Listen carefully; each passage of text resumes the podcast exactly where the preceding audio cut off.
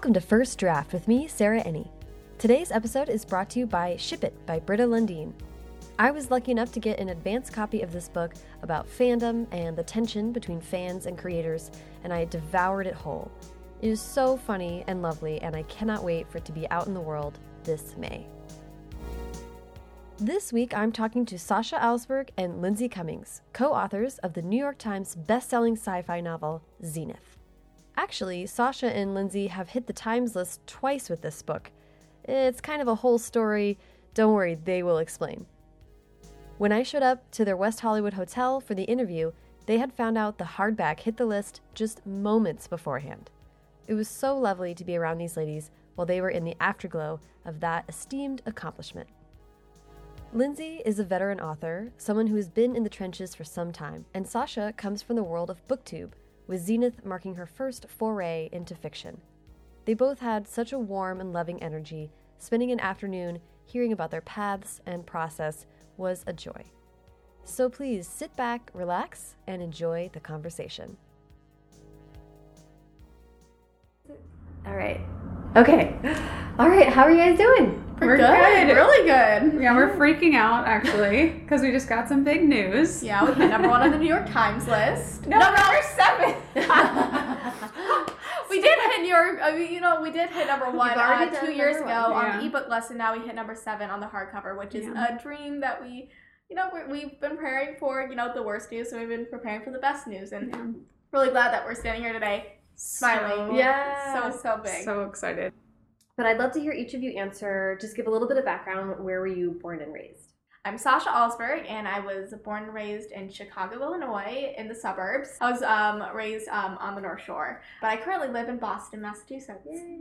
Are you still going to school, or you graduated already? So I'm still going to school Okay. currently. I was going to Emerson College for a year, and then I learned that online school may be better with the career that I do have. Right. So I'm going to online school right now, and I'm uh, heading into my junior year. That's so exciting. Yeah. Awesome. Okay, how about you, Lindsay? I'm Lindsay Cummings. Um, I was born and raised in Dallas, Texas, classic suburbia.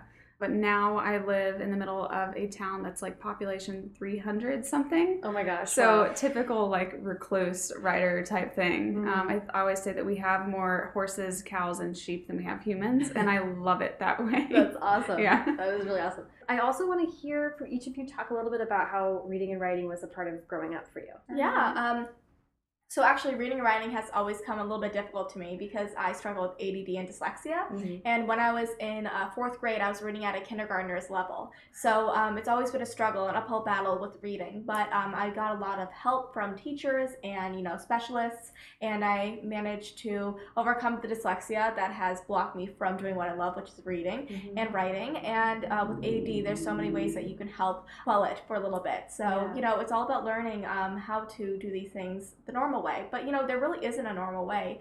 Everything is different for each person. And what I had to learn was that I'm not stupid. I'm not an idiot. I am special, and I may learn differently, but that does not make me anything less than others. So um, really, reading and writing has always been the most amazing thing for me because I got to unfold my creativity through it. And yeah, it may have been later than others, but I'm really glad that it does not stop me from doing what I love today, which is reading like tons of books Yeah. and writing tons of books. And it's just so much fun. Was it fourth grade when you? I mean, when did you learn the term dyslexia? When was it start to be addressed? It was a while later, actually. Um, my parents were actually quite mad at the school board for not noticing it because it's something that goes, people don't notice until way into their adulthood. Yeah. Um, and I was lucky enough to have it caught when I was in eighth grade, um, is when they actually got all the studies done and they're Wow. like, oh, so it wasn't poor eyesight that was making you see letters backwards and reading uh, words that came off the page. Was actually dyslexia. And it's it's something that I really hope that has been transformed since I was that old because you know so many kids struggle with it and it's something that you can live with completely normally but it's something that you know goes undiagnosed for so long Right. I mean, it's amazing that you were sort of persistent in wanting to Mhm. read anyway. Yeah. And it sort of feels like you're like earning books on this other level. Yes, yes. Which is pretty amazing. thank you How did um I, and as someone I haven't struggled with dyslexia, my, fr- my my my best friend did and also wasn't diagnosed, and then found out as an adult and like and was like, wow, you just were working harder than the Yeah. rest of us for everything. But what are like basic things that help you Yeah. I know different fonts are better. I mean, how do Mhm. you how do you address it? So um, even doing a reading out loud to this day is very difficult for me. I Mhm. could read from Zenith and I still will read it very choppily. Mm-hmm. Um, in my head, I can speed through things, and that's something that helped me was reading in my head and not out loud. Oh. But when I was reading out loud, because you know how you do popcorn in class when Mhm. you're like in middle school, Mhm. so whenever somebody would call me, I would be unaware and I wouldn't be able to rehearse what I was going to read, and that would freak me out. So something that did help was reading very slowly, taking a note card, and going line by line. Mhm. But sometimes that method doesn't work for everybody, and it's something that you know I struggled with enormously, and still to this day. But um, you know, it, it shouldn't be an embarrassing thing. I know that when I was younger, I was so embarrassed that like you know I was tripping over my words, and everybody else was reading so fluently, and I was over there just like stumbling through the words. And I learned that it's fine. You can stumble through it, and you'll still get what everybody else gets out of it. Right. It's unfortunate that like school, because I obviously went read out loud in school too, Mhm. and it's like sad to look back and realize that people in class were feeling that way. Yeah, exactly. sucks, I know. and they don't have to feel that way. No, no, it's all. You know, I always say that. Like, um, do you know uh, Percy Jackson? yes. the main character, um, people who are demigods, they have ADD and dyslexia. So I'm like, it's so cool. We're like all demigods. and, you know, it's something that I think makes us unique and different, and it's totally fine. Yeah. Yeah. Well, thank you for talking. About it. Yes, of course. I love talking about it. It's nice to get awareness because a lot of people are like, what? You struggle with that stuff? I'm like, yeah, but it's not really a struggle anymore. It's something that I just uh, learned to adapt with and grew from. It's been really interesting to talk to now like over a hundred writers, and a, a lot of writers are like, no, I was a slow reader. It took a, me a Mhm. lot of effort to get into it, but like when the love is there, it's Yeah, it'll it's come so there. matter. Yeah. Um, how about you, Lindsay? Uh, the, the original question, yeah, was reading and writing uh, while you were growing up. Okay, yeah. For me, I had always loved reading. I'd always loved writing. I just grew up with my dad, who has published some nonfiction stuff. So from the start, he got me into Chronicles of Narnia, and I just devoured those. Harry Potter, Twilight, like the staples of Mhm. um, you know youth reading. Uh, but for me, the writing stuff never really came into play. Like I always wrote short stories about like my farm animals and different things like that. Um, but I didn't really think about it being an actual career. It was never really in the books for me. Um, it was always music that I wanted to do. Um, I had all these plans for that. I was excited to go off to college. I had scholarships. I was ready to make that my thing. Um, and when I graduated high school in 2009, I got really sick with chronic fatigue, and the doctors didn't know what to do. Um, it was to the point where sometimes I couldn't stand because my legs couldn't hold me. I couldn't wash my own hair in the shower because my arms are too weak. Just this, and it came out of nowhere. And so, because of all that, it was almost the next three years of my life that I was basically bedridden. Um, and those were like the early years when I should have been off at college with my friends, and I would look at them on Facebook, you know, having fun, doing all that stuff. Right. So, my plans kind of got derailed, and I let that really crush me for a while. But I remember walking into the kitchen one day um, and I was sitting down on the ground digging through cabinets. No idea how this even came about, but um, this old notebook fell out of the cabinet and it had my dad's name scribbled on the front. And it was like this ancient notebook, you know, just crumbling. So I opened it, and the whole thing, front to back, was full of short stories that my dad wrote when he was 19 he got bacterial meningitis and within 24 hours he had to go to the hospital and they amputated both of his legs. And he was at college to be a soccer player. So you can't really do that. Whoa. so yeah within 24 hours his life plans were totally just derailed. That's soccer was what he wanted to do. And when he was in the hospital someone gave him this journal and said hey why don't you you know write stories? You're good at storytelling so he wrote those and then he would get in his wheelchair, wheel around, read the stories to people. And that was his escape. That was his way of getting through this horrible experience he was having. Mhm. So when I found that journal when I was sick and, you know, laying in a bed, I realized, okay, this this transformed my dad's life. So if I could do this too, maybe it would do something good for me. So I started writing and um, I reread The Hunger Games. I was obsessed with those books. I thought they were so incredible. And just from there, started writing a book and it kind of took off. Wow. Yeah. Okay, so there's a lot there. I know, there's so much. um, first, though, I really I want to hear about your dad's nonfiction books. What kind of stuff does he write well, about? he, he writes medical nonfiction. So not really like books, but yeah, he writes about amputees and the kind of stuff that he knows very well. hmm So, That's but, amazing. yeah. It's cool. also great to then. So your whole life growing up with your dad, he's been a writer. Yes, he's been a writer and, and a reader Yeah, and a which is- rocker. it's great to. I feel like it's such a um, I was about to use the word cheat code, and that's not what I mean. but like when you have someone in your house that's writing like that, it's so great to have that you, um, modeled for you. Like, oh, this Yeah. is something people can do professionally. Yeah, You know, some for some people it takes a long time to be like, oh, there are human beings who write books, and Yeah. and that's wild that your dad's life and your life sort of had this parallel Mhm. like that. I mean, you guys Yeah. talk about this like all the time. Yeah, we do. We don't talk about it as much anymore just because we're on book number seven, but I Mhm. dedicate every single one of them to him, and that's the reason why, just because I really kind of credit him for being the one that put the writing bug in me. Yeah. So, yeah. I'm not super informed about chronic illness, but can you talk about how you coped with that and got? I mean, like, are you? I don't want to use the word cured, but is it still something that you deal with? Or Um, not no, not nearly as bad as it used to be. I still get sick pretty easily. I get tired and cranky.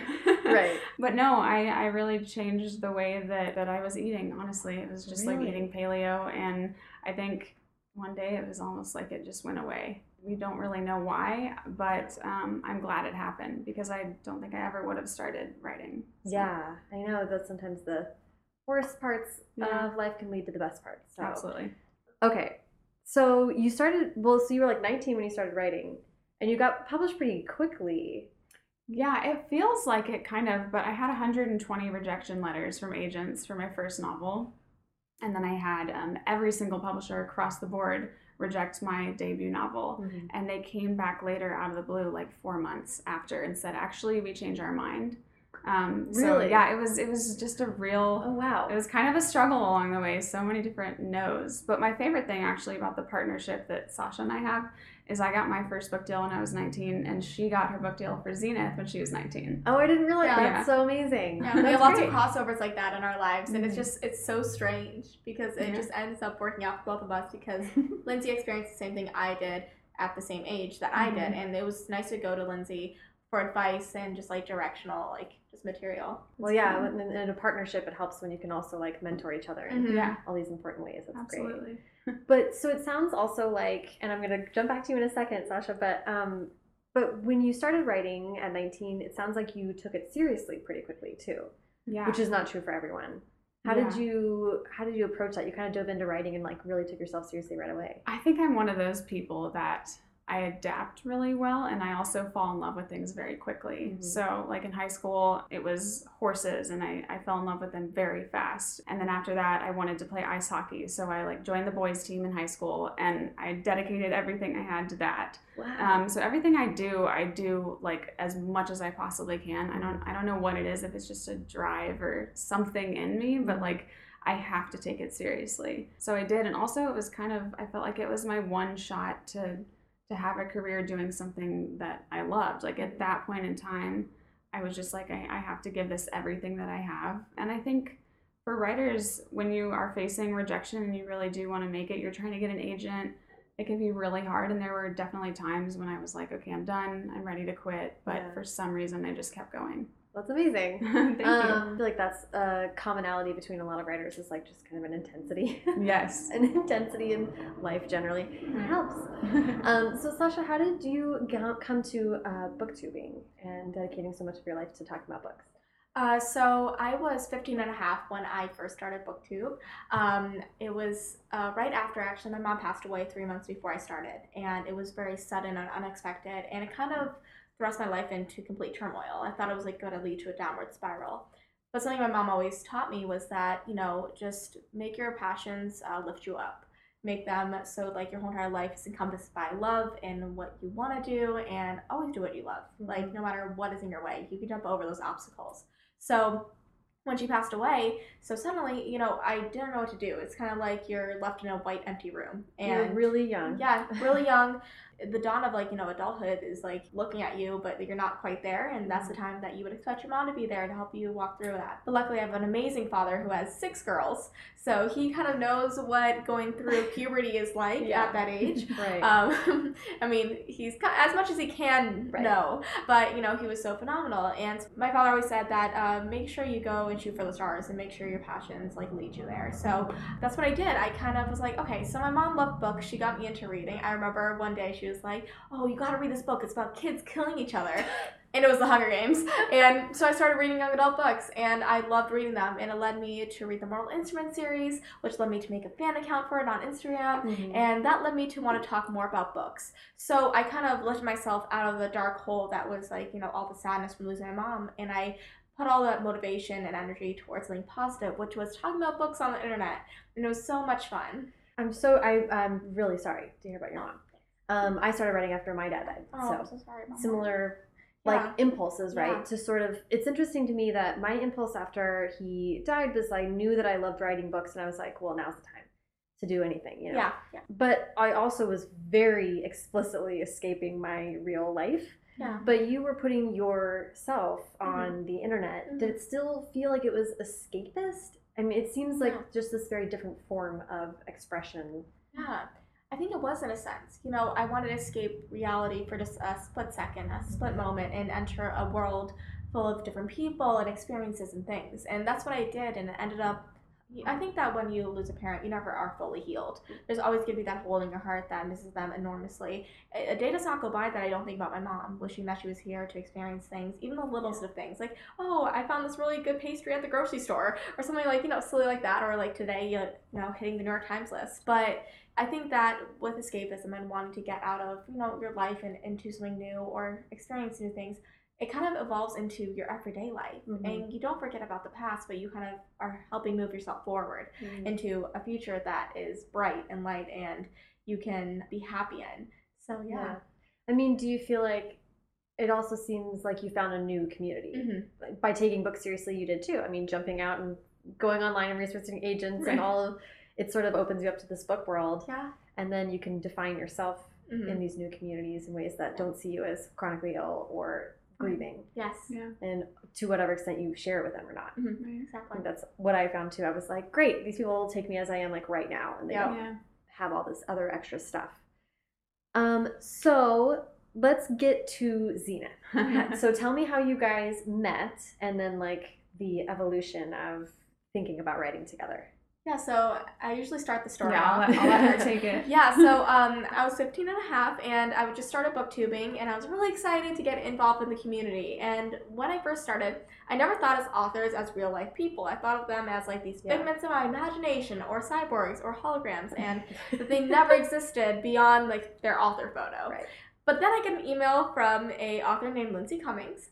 And her email asked me if I want to go and review her debut novel, The Murder Complex. And I freaked out. I was like, oh my gosh, authors are real and they're talking to me. This is amazing. So um, I How went did up- you find Sasha's channel? Yeah. So I I jumped on Instagram. I actually didn't want to join Instagram, but someone was like, "No, you got to do it. It's a great promotional tool." And so you know, funny. so I got online. Um, I actually found the Shadowhunters account that she was Ah, doing yeah, yeah, because I had seen City of Bones. Oh, yes. Then I found you, and I was like, "She looks just like Lily Collins." so um, I started noticing too that you were promoting books, and I just thought, "Oh, she has such a natural way of like getting readers excited about them." Yeah. So I had um, my ARCs came in the mail, advanced reader copies, and I got really excited and nervous, and I sent her an email. And while she was fangirling, I was freaking out because I thought she would say no. right. Um, but she said yes. Uh-huh. And about was like a year later. Yeah, a full year later, we met in person at a book signing that Lindsay was having in Chicago. and we filmed a video together and i think that's really when our friendship started off we say it started off you know with that initial email and that's where our online friendship started but our true friendship that we have today started off that day in chicago when i was filming a video with her and you know we just kept on talking afterwards and growing our friendship mm-hmm. That's yeah, I always great. say that like when you find your fandom friend, it's just someone that you click with so well and we liked all the same things. We both we just loved books and we were in so many different fandoms. We clicked over Firefly, we clicked over the Mortal Instruments, Hunger Mhm. Games, just all the things. all the ones and and and that's just kind of where it all started. and I'm really glad it did. I'm glad that I answered that first initial email. I always joke around. I'm like, why would Lindsay want to ever work with me? My grammar in that email was awful. like I don't. I, I had so many spelling errors. Like it was ridiculous. But I thought it was so cute and endearing. She just has this way of of just being so excited all the time and I love that. Well, I was gonna say, it, but what I love about that is that it's not necessarily like your friends just because you like the same things, but when you like them for the same reasons and you can talk mm-hmm. about them in the same ways. I mean, because that's leading to thinking that you guys could potentially work on something together. Where I mean, I'd love to hear you talk about it, but I'm co-writing with someone, and I feel like we were able to do it because we were like, we just have the same interpretation of things, Yeah, and we yeah. want to say the same things about Yeah. the world. It's like you're on the same wavelength as a Totally. person. Totally. Yes, and that's so exciting that you're co-writing. Yeah, know. it's, going okay so far. so. I love doing it. yeah. Yeah, It's fun to meld together two different types of creative minds because we all think differently. We are different in our creative ways, but I love like getting to put two people together and see what the end product is between them. Yeah, and we're gonna we're gonna come back to that I'm gonna ask about how you guys write Awesome. together. Yes. But how did so how did the idea to start working together come about? I think I kind of jump started it. We'd Yeah. always joked about let's write a book together, but we never really thought that that would be our future. Mhm. Um, and I always say that publishing is kind of like being stuck in a vacuum. Sometimes, you know, it's just a dark, lonely place. You have your agent, you have, you know, your editor, but sometimes you just feel alone when you're Yeah. working on stuff. So I thought, oh, Sasha, you know, she's so fun. We've always joked about this. What if we actually give it a shot? And we did. Yeah. One day I think I sent you a text. Yeah, she sent me a text. I was sitting in my dorm room at Emerson College. I was just doing some homework and I get this notification popping up on my computer and it's like, one text message from Lindsay. I'm like, oh, what is she telling me now? Um, and it was saying that, hey, do you want to write a book together? And I was like, I mean, sure, why not? Like, I was going to school for writing and I really loved the craft of writing. And I was like, this would be a great experience to kind of write something um, that wasn't for an assignment or was an actual thing that another person would push you to finish because that was my difficulty was finishing a book I, Well, yeah. So I, I do want to just really quick Yeah. talk about. Obviously, Lindsay has been writing for a while at this Yeah. point. But what had you? How had you pictured yourself interacting with books going forward? Did you always Mhm. think maybe I'll write someday? I never i always picture myself as the person who publishes a novel Mm. Never a person who writes one just because it, it was a self-doubt that i had within me uh, with the dyslexia and add that Right. I was like, I can never do what I want to do because, you know, that stuff is blocking it and it's in my way. But it's because Lindsay gave me that shot, gave me that chance to write and to learn from her and how she writes um, that helped expand my horizons with writing. And now, like, I can't get enough of it. This was just pushing myself out of my comfort zone and into Lindsay's comfort zone and her helping expand it all together. Well, yeah. When you have a friend that you can trust helping you along, it makes it a lot less scary to do. It anything. is, yeah, exactly. So Well, I've learned a lot from her too. She is such a good, like, if you just watch her videos for two seconds, she's so excited all the time and she's passionate about books.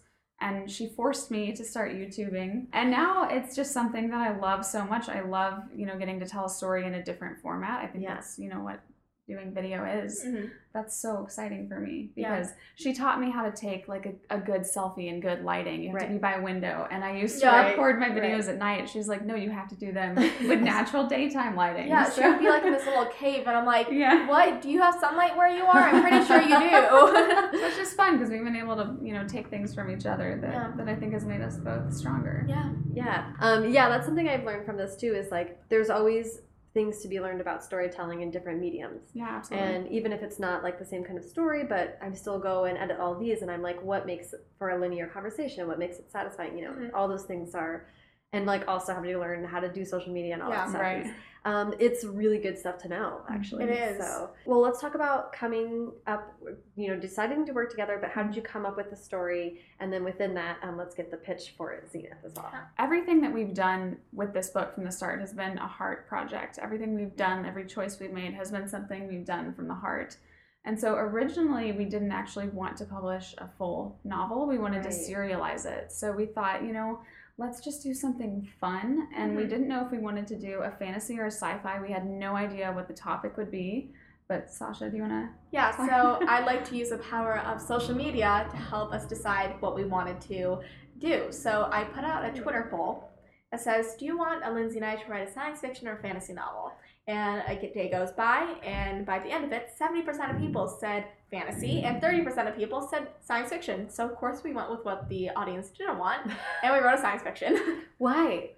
I don't know. I think that's where the rebelliousness was born to Zenith, and that's Yeah. why we thought let's write a book about rebel girls, a female crew Yeah. of space pirates. And something that I always loved was astronomy. I really wanted to be an astronomer for the longest time, but I'm Cool. like, I guess I have to be good at math. And Yeah. I'm not very great at math. When it came to me and why I wanted to write Zenith was because I wanted to explore the stars in a fictional manner. Mhm. Take what is theory and make it fact. Why don't we, before we go too much further, Mhm. why don't we give the pitch for Yes, Zenith and then okay. about some of the Cool. details. I like to summarize it as Guardians of the Galaxy, but with female space pirates. That's pretty darn good. yeah, it really does. It does sum it up quite well. Yeah. yeah, the long version of that is that uh, it's about an all female crew of space pirates who get tricked into going on a rescue mission to a distant prison moon. And while they're doing that, they get wrapped up in the middle of a galaxy wide war that they want absolutely nothing to do with. Mm-hmm. Love that. Yeah. You're technically writing a space opera. Yes. Yeah. I don't. Do you want to talk about deciding to do that and what you really wanted to get out of telling a space opera story? Well, we always say that that Zenith is a sci-fi, but sometimes it reads like a fantasy. I Mhm. think that what we love the most, and I, I don't, I think you would agree because this is when we have so much fun plotting, Mhm. is talking about the worlds and the different settings that we get to explore. Yeah. Uh, the planets are so fun. They're so diverse. The crew itself is Yeah. diverse, and so I think we just really like taking that spin on what we do know from our world and just adding those little extra elements that set it apart just a little bit, but still make it relatable for the reader. Yeah, it reminded me of Star Wars because it's Yeah. like the cut to these brand new planets and all new like realities, and you get to do a whole bunch of different things, which is really cool. Yeah. what I love about Zenith too, we have so much fun plotting. Most of it is us just like sitting in a room giggling together. But Sasha has the way her mind works is so different from the way mine works. And I, I love the combo of my ideas sometimes are a little bit safer. There's sometimes Star Wars 2.0. Right, right, right. but Sasha which is so easy to do. yeah, it is. And Sasha just stretches it to a whole different level, just kind of breaks through to to a new concept. And I Mhm. think that's so fun too when we get to merge those ideas that we have together. Yeah, that's the best. So so let's talk about that because um, you guys talking about co-writing is reminding me of um, now I'm not going to remember who it was that said it about there being three writers when you're co-writing with one other person. Yes. There's Lindsay, there's Sasha, and then there's the combined voice. Such a thrill to see something that you could never do on your own sort of emerge. Mhm. I mean, how did you brainstorm? How did you write? Did you write together? Did you write separately? I'd love to hear about your process. Yeah, no, I say that a lot on panels just because people are like, uh, do you guys write your own characters? I'm like, no, we create a new writer Right. with both of us.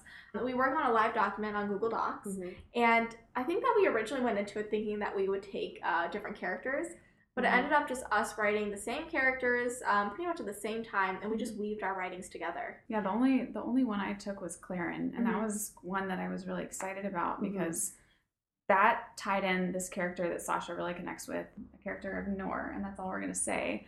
But I think those are our two favorite characters, and those are the ones that I think we really added individually the most to. Um, but our, our plotting process is so fun. Well, if we're in the same state, we're in the same room. Mhm. Um, usually we do it in our pajamas with Mhm. snacks, and Sasha's dogs are usually around with us Yay, too. the best. We just plot together, and it's mostly giggling, mostly looking at Pinterest for fun ideas. Mhm. Um, and then if we're apart, it's on FaceTime. And the 1st hour is us chatting and catching up on life. And then the second portion is us saying, okay, we have this scene that we need to conquer today. How do we want to do it? What mm-hmm. characters do we want? And it's honestly, it's just a conversation Yeah. between the two of us, just hanging out and, Yeah. and throwing ideas out there and seeing what sticks. I'm super interested in why and how you decided to do this a really original ebook serialized version of the story to begin with. What was the inspiration mm-hmm. for that? So I think that what we wanted to do was get out a product as fast as we can um, and the best quality that we could to the audience because we're just really excited about it. We did Mhm. not want to wait a year to get publishers on board and then you know go through all the editing stages. We just wanted to get it out then and there, and that's why we went with the self-publishing route um, and then the serialization route. Yeah. We actually outlined just not the full book, just Part 60 one. pages. Part one, just that. We didn't even touch That's it. base with whatever the rest Mhm. of the novel would carry forth. So we went forth and wrote it just because we knew that it would be very quick. So we started writing it in uh, 2015, November, and then Okay. we um, actually started really writing it in January 2016. Mhm. And then we had the finished product out to the audiences um, in June 21st, 2016, but we had it done, I believe, in April. yeah. Okay. And honestly, a lot of that was just because we were having so much fun and, and publishing again, it can be, you know, sometimes a little bit darker as you're trying to get through the rejections and Mhm. we didn't want to face that at first. We just wanted to have fun and we were enjoying working together and we were talking about it online. People were excited. Well, I was going to say, it strikes me that you let your readers and your watchers in on the process Yeah. so early. it feels like it's more of uh, the method that people write fan fiction, kind of. Yeah. and Yeah, immediate true. feedback Exactly. and letting people in and kind of waiting to progress with the story until you see how people are reacting. Yes, that's exactly what we're doing. I think we. Um, Mm. Have you ever written fan fiction? No. Okay, so I always say how I've written fan fiction. I wrote a lot of it. Um, I felt like, comfortable writing that stuff. I wrote I wrote Justin Bieber fan fiction, but merged with Criminal Minds. oh my god, it was by the so way, ridiculous. I really Criminal- wanted find it. Criminal Minds Justin Bieber version is something I would watch. It's just it struck me as so cool and unique that you guys together thought like, yeah, let's just go, let's just get it out there and make sure that we're having fun. Mhm. And then what happened? then a week later, we found out it hit number one on the New York Times ebook list.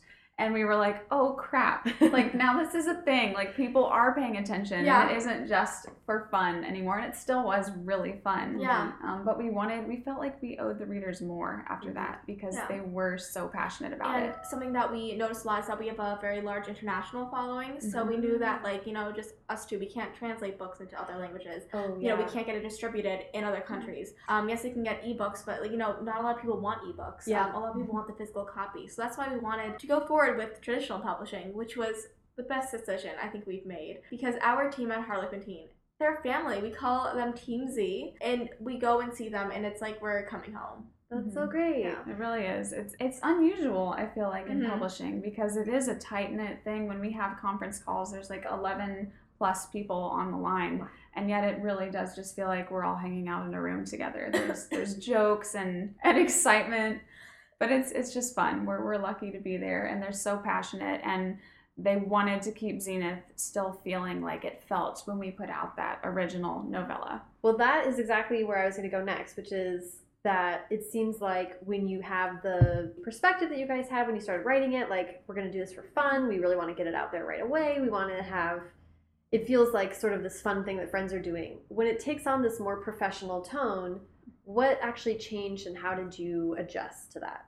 The writing itself changed a little not not the writing like the way we did it but we had a month and a half when we signed the contract to turn in the full finished manuscript it's Which like more than 540 pages, pages. yeah I know. It was lot more than 540. Wow. Yeah. so that that in itself was a lot of pressure um, and Wow. also i think just the feeling of wanting to make sure that what we did give the readers when they got the full hardcover we wanted them to be pleased with the final product but Yeah. also i think that made it more fun Yeah. too because we put so much creatively into it and we put so much of ourselves into the story Mhm. and again the Har- harlequin teen is a family so the whole thing from start to finish has just been a labor of love Yeah, Yeah. it has been. And when you say that we put so much of ourselves in it, we actually did put ourselves into the book. Oh my god. We're a two-headed alien in Zenith, and it's not like a minor character. She's a pretty major Yeah, character in the is. book. It's so much fun. We had just such a blast, like incorporating aspects of our lives in this book. It's a really fun novel. I think that like when people are like, "Is it really serious?" I'm like,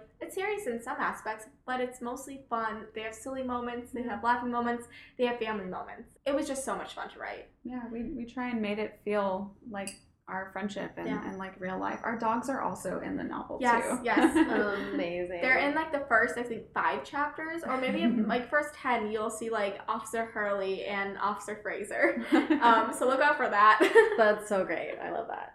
Because there are a lot of aspiring writers that listen to this, I'm going to get a little granular on you about Yeah. this. You have five weeks to write a much bigger version of your novel. So, who was sort of talking to you about what was expected with expanding it to a traditional public? Because you're also writing a series now. I mean, everything changed. Mhm. Um, so, how did you like practically say, like, we have to sit down and figure out how we're going to do this? this is my third series that I've done. So from that standpoint, I knew what to expect from editorial wise. Mhm. But again, Sasha and I really we we've done everything together from the start. So I think we just we had a phone call with both of our agents. Mhm. We're both represented by fantastic agents. Uh, I'm with Peter Knapp at Park Literary, and Sasha is with. Uh, Jo Volpe at uh, New Leaf Literary. We call our agents. They're like mom and dad um, Yeah. because together they really are a dream team. They're brilliant. They're so good at just navigating this industry. And, and they will yell at anybody if they hurt us. Yeah. the most important one. I know Jo, so I know Yeah. that's very true. She's a feisty one. She's I great. love Jo. She's great. So there were a lot of conference calls between the four of us, really just talking about okay, here's what we've started with, here's where we have to get to, Yeah. and what do we have to do along the way to get there. So there was a lot of plotting to kind of turn in stuff to our editor to say, hey, this is where the novel's going to go. Here's beginning, middle, and end. Mm-hmm. Because it, Yeah. it's sold as a trilogy, or did you Two book deal. two book? Okay, got it. So really, we made a game plan, just saying, okay, we have X amount of time. We Mhm. need to be fifty percent done with the book by this date, and and we need to be done and ready to reread and edit before we turn it in Yeah. by this date. And something that we did do was uh, we met up in Texas. First, we actually met up in Chicago. Yeah. Then we met up in Texas. When we were halfway done with the book, um, we met up in Chicago. We read through it. We got all like the issues that the plot was having figured out, and then we went back home for a week or two, and then we came together in Texas to finish up the whole entire book. Mm-hmm. And I remember sitting on Lindsay's bed, typing out the last words, and then we're like, done. And then the document loaded for like a good 10 minutes. because Yeah, it, it was crunch time too. was I mean, time. we won't lie, we were right there. We turned Right it in the day of Yeah. that evening. Actually, Wow. it was it was tough and it was definitely difficult but it was totally worth it and you know it may have taken a month and a half to write but we definitely did go and edit the book for a while afterwards Right, it right. took us about another nine months to get it perfect Mhm. for the finished edition Yeah. And this is the part I haven't gotten yet, so this is a very selfish line of questioning. Yeah. But when you get edits back, what is that process like? First drafting is so fun, you're building together, you can kind of mess up and it's okay. How do you deal with notes and talking that through and deciding on changes? Yeah, um, edit letters are tough. Yeah. I, I also do freelance editing, so I try to make my edit letters a lot softer than than the ones that normally come in. But it's basically like opening up an email, and it's twelve pages single spaced of all the things that suck about your novel.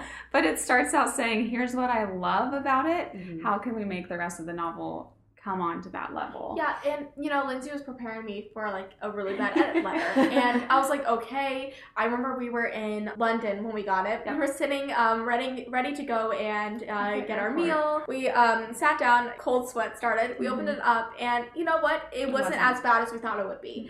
Lauren is such a wonderful person. She managed to put the issues across in a very um, professional way, but Mhm. also very loving way because she is as much a part of this book as we are. Mhm. Um, so when we say it's our baby, it's our baby, as in Lindsay, myself, and Lauren's. So it wasn't as bad as we expected, but we were really happy with the changes that she did recommend Mm-hmm. because they definitely helped strengthen the story. Yeah. And you know, a lot of the time, actually, editors want you to make changes that you yourself you don't want to make Yeah. because you know the characters uh, Yeah. best. But Lauren, we were on the same wavelength as her throughout the whole entire thing, and I'm really happy about that. Yeah, uh, sometimes too, when we're stuck and we, we need help just figuring out ideas to fix those things, we get on a conference call and it is just a big brainstorming session.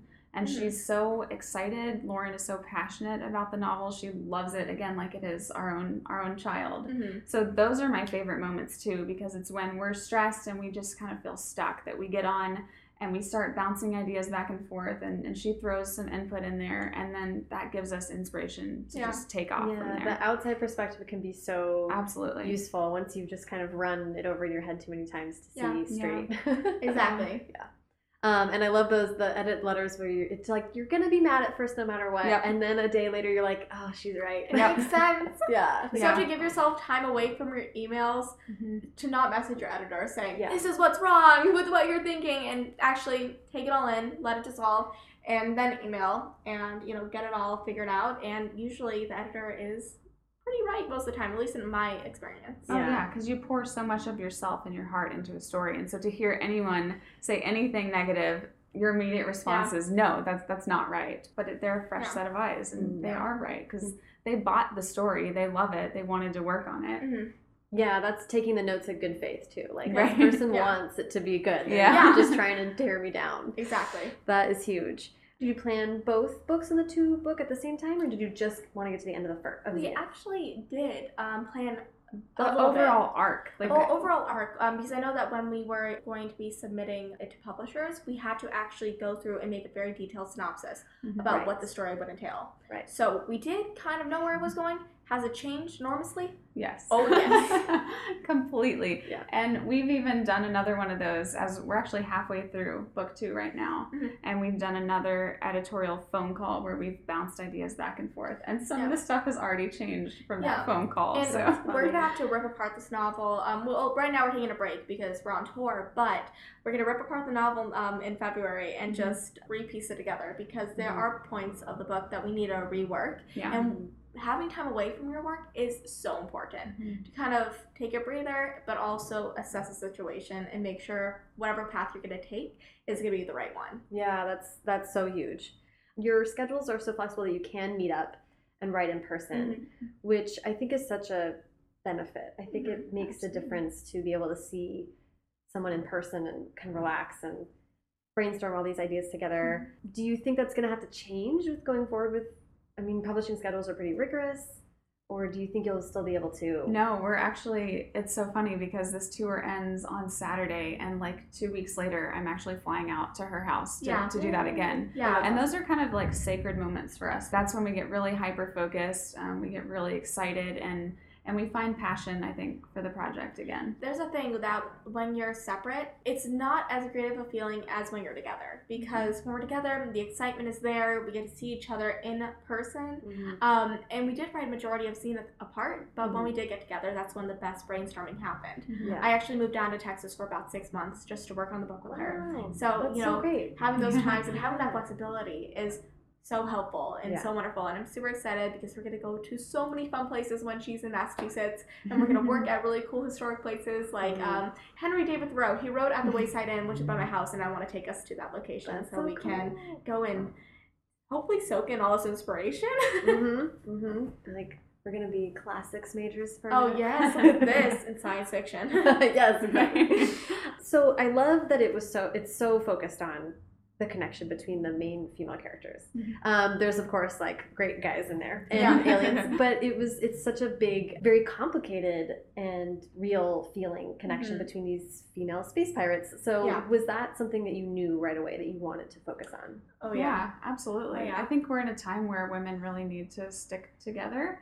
Yeah. Um, and so often you see movies like Mean Girls or where female friendships are just, they're always butting heads and always tearing each other down behind the scenes.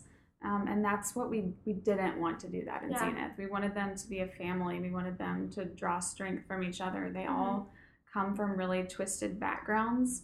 But when they're together, they're just this strong driving force. And Mhm. I, I love that so much. And I hope that little girls will read this book and think, this is how I want to be with my friends. Yeah. When I was in high school, I went to all girls school. So, Really? you know, I had those friendships, I had that family, and getting to have that same friendship with Lindsay really was just so marvelous to incorporate into Zenith because it's so real. You know, the things that they say to each other are things that we say to each other. Mhm. And sometimes you may bicker with your friends, but at the end of the day, you love them and you want the best for them, and that's how it's going to go forward. You know, um, not everything is going to be 100% perfect, but it doesn't need to get catty. Right. You know, cattiness is not a, a real life depiction of what a friendship should be.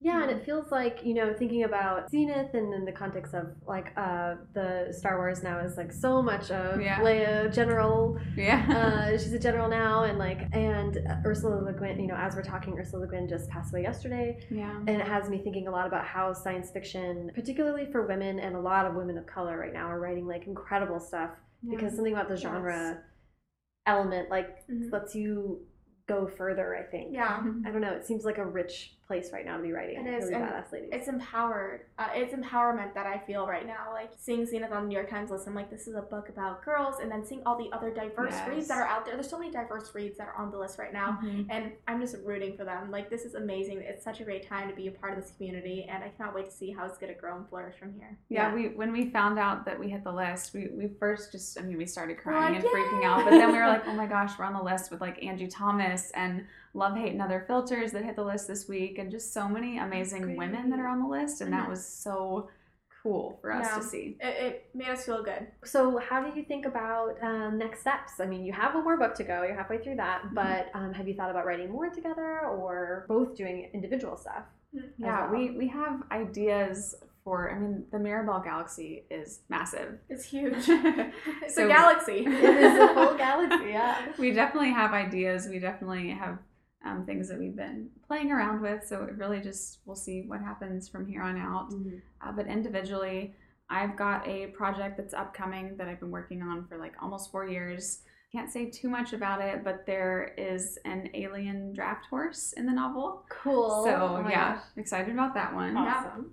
And I've been working on a project for almost a full year now with a concept that I've been just dying to write for so long. I think it's over 10 years. Um, Oh, wow. It's been a while. So I'm um, currently writing that project when I'm not writing the second book in the Zenith Duology, and that is currently being put on hold because of that. But Mhm. it's a project of my heart. It uh, takes place in Scotland, and that's all I'm going to say about it right now. That's so exciting. Yeah. So I wrap up with advice. Yeah, I think I think for me, when I first started out, I just wanted everything to happen so quickly. I was so excited. I wanted to be the next Veronica Roth. You know, I, I was young and and so passionate about it that I often moved too quickly. And I think one of the big mistakes that people make is, especially when querying, is they finish a book and then they send it out immediately. Mm-hmm. And that's what I did with my first one. I, I sent it out and gained 120 rejections right away. Right. So I think there's definitely something to be said about patience at any stage in the game. Uh, the past year and a half, really, for me, I've been studying the craft of writing and focusing on the fact that good writing does take time and it's okay to let an idea just sit and wait and marinate for a while. So, really, just patience, I think, can make something so much better than you ever thought.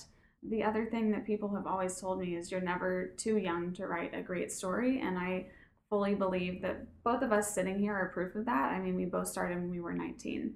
So you're not too young to write a story. Keep pushing forward. Don't worry about the rejections, they happen. And the ones that really are going to make it are just going to keep going regardless. Yeah. There's so much beauty in the now, in the moments where you really are working as hard as you can and you're dreaming, and that dream will happen. It doesn't have to be now. Right. There's beauty in the waiting now, and there's Mhm. beauty in the dreaming now, but the real payoff is going to come later when you've given yourself the best shot. And oftentimes that means taking time to slow down, focus on your craft, research, get better, and prepare for that awesome moment in the future. And when you have the awesome moment like today for you guys, then you celebrate Yeah. it so exciting. and appreciate it. So exciting. um, what would you tell, say for advice? Um, my advice would mainly be towards people who struggle with learning disabilities, just because I know that there's a lot of people out there who do. Yeah. Don't let those stop you. Really, just uh, figure out what works best for you. It may not work for the person next to you. Um, but you know, just figure out a path and go down it. And if that one doesn't lead to where you want it to, you know, just diverge and figure out a new one. Mhm. For me, I always thought that I would just be working in publishing because I didn't believe myself. But once I opened up and believed in myself, that's what ended up working out for me. So I know how cheesy it may sound, but just believe in yourself, believe in your craft, and believe in growing. Yeah. I think we're both proof that you don't have to get to your dream in one perfect straight route. I think Yeah. that everyone takes different ways of getting there, and that's okay. Um, I love that Sasha came from the booktubing side because she's created this incredible community of readers that are so excited, and so it's so Yeah. fun to get to watch her transition from booktube to author, but Mhm. still, you know, Yeah. doing both. Thank you. So really, there's there's no right or wrong way to get there. I think everyone has a vision of what like this perfect debut story is, Yeah. and it's like it's never really that way, even for the people you think Yeah, of exactly. that. So forgive yourself. You know, the, Mm-hmm. the wayward path is the more interesting one Absolutely. anyway. So, um, this has been such a joy. Thank you both Thank for you taking so the time to talk with me. yes, thank you for having us. Oh my We're so excited to be on this podcast. Yeah, let's go. Let's go celebrate. Yes. exciting day.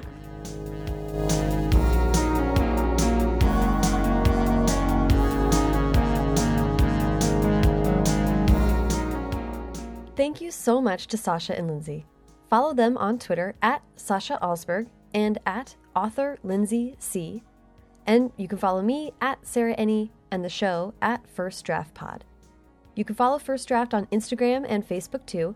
But for links to everything Sasha and Lindsay and I talked about in this episode, as well as a searchable archive of previous interviews, and to sign up for the First Draft newsletter, please be sure to check out firstdraftpod.com. If you like what you heard, please leave a rating or review on iTunes. Every five star review makes me want to take to the stars with a group of badass, bloodthirsty babes. Thanks to Hash Brown for the theme song, and to Colin Keith and Maurene Goo for the logos. Thanks to super intern Carter Elwood and transcriptionist at large Julie Anderson. And as ever, thanks to you, galactic lady pirates, for listening.